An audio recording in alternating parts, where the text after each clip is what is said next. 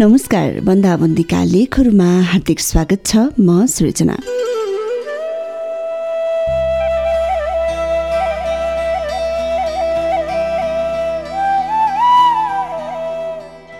भनिन्छ नि खुल्ला आँखाले पनि सपना देख्न सकिन्छ भनेर।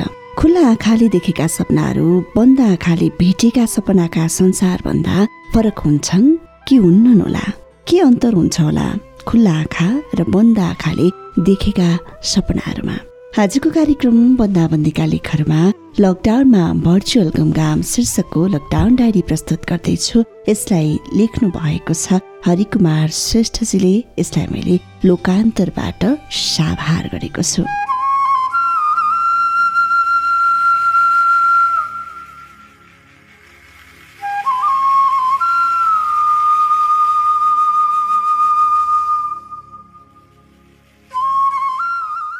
एक हप्ते लकडाउनबाट चाट लागेपछि हामी बुढाबुढी घुमघामका लागि निस्कियौँ। लकडाउन लम्बिँदै थियो तैपनि हामी कस्यौँ। महाभारतमा वर्णित कर्णको शरीरमा सुशोभित सुरक्षा कवच जस्तै हामीसँग पनि कोरोनाबाट जोगिने अवैध सुरक्षा कवच थियो। त्यो हो भर्चुअल घमघाम। त्यसो त हिजो आज पुरै संसार भर्चुअल दुनियाँमा रमाइरहेको छ।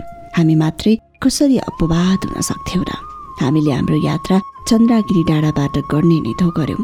कारण चन्द्रागिरी र काठमाडौँ खाल्डोको अन्योन्याश्रित सम्बन्ध छ। गोर्खाली राजा पृथ्वीनारायण शाहले त्यही चन्द्रागिरी डाँडाको टुप्पामा सुस्ताउँदै गर्दा नेपाल खाल्डो हान्ने योजना बनेका थिए। हाम्रा पुर्खाहरू गोर्खामा उनकै प्रजा थिए। भक्तपुरका उनकै मितुवा रञ्जित मल्लको पालामा हाम्रा पुर्खाहरू गोर्खा गएका थिए। हाम्रो सम्बन्ध भक्तपुरभन्दा गोर्खातिर बढी हुने नै भयो। कारण त्यतिखेर दोहोरो नागरिकता लिने दिने चलन थिएन। चन्द्रगिरी हिल्सको केबल कार कोरोनाका कारण बन्द थियो। त्यसैले वनको बाटो हिँड्नको विकल्प भएन। राष्ट्र निर्माताका पच्चा पहिलाउँदै उनले हिँडेको गोरेटोमा पाइला बढाउँदै हामी सिरसिरे हावा खाँदै अपरान्न चन्द्रगिरी डाँडामा पुग्यौँ। अरू बेला तीन सहर काठमाडौँ तुवालोले ढाकेर केही देखिन्थेन। अहिले पनि काठमाडौँ खाल्डो न्यानो सार्दी घाममा पहाड तापिरहेको थियो। आकाश निलो र स्वच्छ थियो। टाढा टाढाका हिमालय श्रृङ्खलाहरू पनि प्रष्ट देखिन्थे। मैले आफ्नो भर्चुअल दूरबीन काठमाडौँको खास खास ठाउँमा सोझ्याएँ मेरी बासै मैले कहिल्यै कल्पनामा नचिताएको र सपनामा पनि नदेखेको दृश्य मेरा सामु देखा परे। दूरबीन सुझ्याएर पहिले आराध्य देव पशुपतिनाथलाई नमन गरे। पुरै देवपतन मृगस्थली र वनकाली शान्त र स्निग्ध थिए। कहीँ कतै चालचोल थिएन। यही मौका छुपी आराध्य देव महादेव आदिशक्ति पार्वतीसँग वनकालीमा दैवी क्रीडामा लिन्थे संसारको सृष्टि जोगाउने धर्म जोनको थियो। उता चागुनारायण मानदेव नारायणको पूजाआजामा व्यस्त देखिन्थे भने यता हाडी गाउँको नौतरे दरबारमा अंशुवरमा आरामले घाम तापिरहेका देखिन्थे। लिच्छवी र मल्लकालको सम्मिश्रण पनि भर्चुअल दूरबीनमा प्रष्ट देख्न सकिन्थ्यो। महेन्द्र मल्ल किन्चित चिन्ताग्रस्त देखिन्थे कारण काठमाडौँमा कसैको घरधुरीबाट धुवा निस्केको थिएन। कारण स्पष्टै थियो लकडाउनका कारण मानिसहरू एक छाकमा जिउ धान्न बाध्य थिए। त्यसमा त इन्डक्सन बिजुली चुरोले धुवा निकाल्थेन। ती मल्लकालीन बुढालाई यस्ता कुरा के थाहा? राजा प्रताप मल्लको शोकग्रस्त मलिन अनुहारकै उज्यालो देखिन्थ्यो किनकि उनले आफ्ना प्रिय पुत्र चक्रवर्तेन्द्र मल्लको सम्झनामा बनाएको डाली पोखरीले पुनर्जीवन पाउन लागेको थियो। भर्चुअल दूरबीनलाई मैले अब असन हुँदै बसन्तपुर दरबारतिर सोझ्याएँ। असनको साँडे भन्ने उखान विस्मृतितिर पुगिसकेको थियो। त्यसले नवजीवन पाएछ।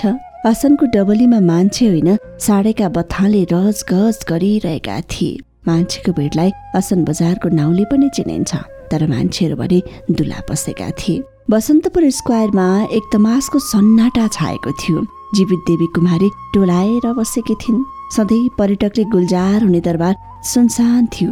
पहिले त्यहाँ नक्कली क्युरियो बेच्ने पसलेले पर्यटकलाई ठग्न ठुल्ठुला स्वरले कराइरहेका सुनिन्थ्यो। तर अहिले त्यसको ठाउँमा खान नपाएका कुकुरहरूका बथानले ठुलो स्वरमा भोकेको सुनि। भर्चुअल दूरबीनबाट भातगाउँ र पाटनको पनि बेङ्गम दृश्यावलोकन गर्ने मन सुभा भयो। भूपतेन्द्र मल्ल किन्चित उदास मुद्रामा न्यातपोल मन्दिरको पटाङ्गिनीमा उघिरहेका थिए। कारण उनले छ महिनामा नै बनाएको तीन सहरकै सबैभन्दा अग्लो पाँच तले मन्दिर भूकम्पको छ वर्ष लाग्दा पनि जीर्णद्वार सम्पन्न भएको थिएन। तैपनि पचपन्न झ्यालको दरबारको संरक्षण देखेर उनले सन्तोषको सास फेरेका थिए। तीन सहरको दृश्यपछि हामी चन्द्रागिरी डाँडोबाट ओह्रालो लाग्यौँ। फेरि पृथ्वीनारायण शाहले हिँडेको बाटो पछ्याउँदै भर्चुअल हिँडाइ पनि मजाको हुँदो रहेछ। भोक प्यास थकाइ केही नलाग्ने। यसो सम्झे जस्तो गरे पुग्दो रहेछ। हाम्रो यात्रा खानी खोला नौविसी हुँदै पृथ्वी राजमार्गको बाटो समात्दै अगाडि बढ्यो। बाटोमा गजुरी बजार भेटियो तर एक हप्तामा नै छिन्न मुस्किल खजुरी जस्तै सुकेछ हामी मुगलिन के पुगेका थियौँ? मलाई त सपना हो कि विपना जस्तै लाग्यो। मुगलिन त पुरै मुगलान जस्तै लाग्यो। न बसका ताती न थकालीका होटल न सुन्तलाका ठेला गाडाहरू। चारलेनको सुनसान सडकले खाउला जस्तै हेऱ्यौँ। सुनसान सडकहरू त्यति डरलाग्दा हुँदो रहेछन् भन्ने कुरा आठ लेनको चकमन्न चक्रपथ देखेरै थाहा पाएको थिएँ। कोरोनाले कहाँसम्म गर्दो रहेछ भनेर मुगलिनको सुनसान बजार साँची थियो। पहिले स्कुल छँदा पढेको राजकुमार दिगपालको कथा झलझली याद आयो। त्रिशुली र मर्स्याङ्तीको दोभारमा नवनिर्मित आर्ट पुल तरेपछि केही आशा आयो मनमा। तर के हुनु नि? आफू खैरेनी पुगेपछि हामीले सानो छँदा गाउने त्यही उराठिलो गीतले पछाइहाल्यो घर त खैरे नि हाँसेर बोले नि मन त रोइरहने मनमा त्यस्तै कुराहरू खेल्दै थिए। पोखरा जाने र गोर्खा जाने दो बाटो आइपुग्यो। किन? किन मलाई गोर्खा जान मन भएन। जसरी गोर्खा छाडेपछि पृथ्वीनारायण शाह एकपटक पनि आफ्नो पुर्ख्यौली घर गएनन्। मलाई पनि के जानु जस्तै लाग्यो। बरु पर्यटकीय नगरी पोखरा गए दिल बहलाउन सजिलो हुने ठानी हामी त्यतै हान्यौँ। किन्चित थक थकी मान्दै हामी तल झऱ्यौँ र अघि बढ्यौँ एकैछिनमा दमौली बजार आइपुग्यो। फेरि पुराना गीतका भाका स्मृति पटलमा आइहाले। घर त दमौली। हामीसँग जान पाए रमाउली। गीतमा राइम मिलाउन गण्डकी प्रदेशले अरू कसले भेटोस्? तर दमौली बजार पनि उत्तिकै सुनसान थियो। कोसँग बसेर गर्ने रमाइलो। मन बहलाउन यसो सेतो मादी दोभानतिर लाग्यो। बुढा महर्षि वेदव्यास गुफामा एक्लै झोक्राएर बसेका थिए। महाभारतमा थप पर्व लेख्न उनीसँग कथा बाँकी थिएन। यस्तै सोचमा मग्न थिए हाम्रो भर्चुअल गाडी कति चाँडै खैरिनी टाढा आइपुगेछ आइ नपुगोस् पनि किन? जाम साम कतै थिएन। प्रति घन्टा सय किलोमिटरको तीव्र गतिमा ड्राइभरले गाडी आँक्दै थिए। खैरिनी बजार पुगेपछि म फेरि स्मृतिमा डुब्न थालेँ। खैरिनी टारमा हामी रोकिएनौँ फटाफट अघि बढ्यौँ। त्यही गीतको भाका टिपी गुनगुनाउँदै हामी पर्यटकीय नगरी पोखरा प्रवेश गऱ्यौँ। हामीले होटल बुक गरेका थिएनौँ। लेक साइडमा सस्तो बेड एन्ड ब्रेकफास्ट कसो नपाइएला भन्ने सोचमा थियौँ। तर पुरै लेक साइड लकडाउनले चकमन्न रहेछ। पर्यटकका नाउँमा हामी दुई बुढाबुढी लखर लखर हेरिरहेका थियौँ। पर्यटकले भरिभरा हुने लेक साइड त लोनली साइड पो भएछ। लोनली प्लानेट नामक विश्व प्रसिद्ध ट्राभल गाइडले आफ्नो आगामी अङ्कमा लोनली साइड नाम दिएर एक्सोटिक होलिडे डेस्टिनेसनमा समावेश गर्ने पक्का छ अरे रातको बाह्र बजेसम्म गुल्जार हुने बैदाम पर्यटक नपाएर बदामको खोस्टो छोडाएर समय काट्दै रहेछ। फेवातालको तिरैतिर पामेसम्मै लम्बिएका रेस्टुरा क्याफे अनि मनाङको चामेभन्दा पनि सुनसान बनेछन्। हामीलाई लेक साइड डुल्ने पनि मन भएन। तालबाराही मन्दिर दर्शन गरेर हामी साराङकोट डाँडातिर लाग्यौँ तर कठैभरि साराङकोट। सूर्योदयको मनोरम दृश्य खिच्न सखारै आउने पर्यटक नपाएर सुनसान थियो। साराङकोट अहिले सारङ्गी कोट जस्तै भएको थियो। त्यहाँ पुग्दा एकजना बुढा गाइने सारङ्गीमा झलकमान गन्धर्वको हे भरै बोलको बिरह गीत पछाइरहेका थिए। हामीलाई हुनु बित्ति नरमाइलो लाग्यो।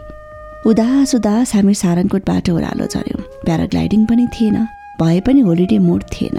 साधनामा लिप्त हुँदा लाग्यो सकल प्राणी र मानव जीवन अनित्य छ अनित्य छ भन्ने जान्दा जान्दै मानिस त हार खाने प्राणी होइन। इच्छा शक्ति भएरै एक्काइसौँ शताब्दीसम्म आउन सकेको हो जसरी रात पछि दिन आउँछ अँध्यारो पछि उज्यालो आउँछ त्यस्तै हो मानव जीवनभरि हाँसोपछि हाँसो दुःख अनि सुख उसको जीवनका अभिन्न अङ्ग हुन्। व्यवधान त आउँछन् उसको जीवनमा तर ऊ जहिले त्यसबाट अघि बढिरहन्छ हिँडिरहन्छ हिँडिरहन्छ। यता म आफ्नो अन्तर्मनसँग गहिरो साक्षात्कारमा लिप्त थिएँ। उता भान्साबाट श्रीमतीको मसिनो सुरायो कति घोरिरहेको भन्या चाउलो सेलाउन थालिसक्यो। म भर्चुअल वर्ल्डबाट रियल वर्ल्डमा आउँदा लकडाउन झनै कडा भएको थियो। सडक सुनसान बुसिया कुकुर बाहेक सडकमा कोही थिएनन्।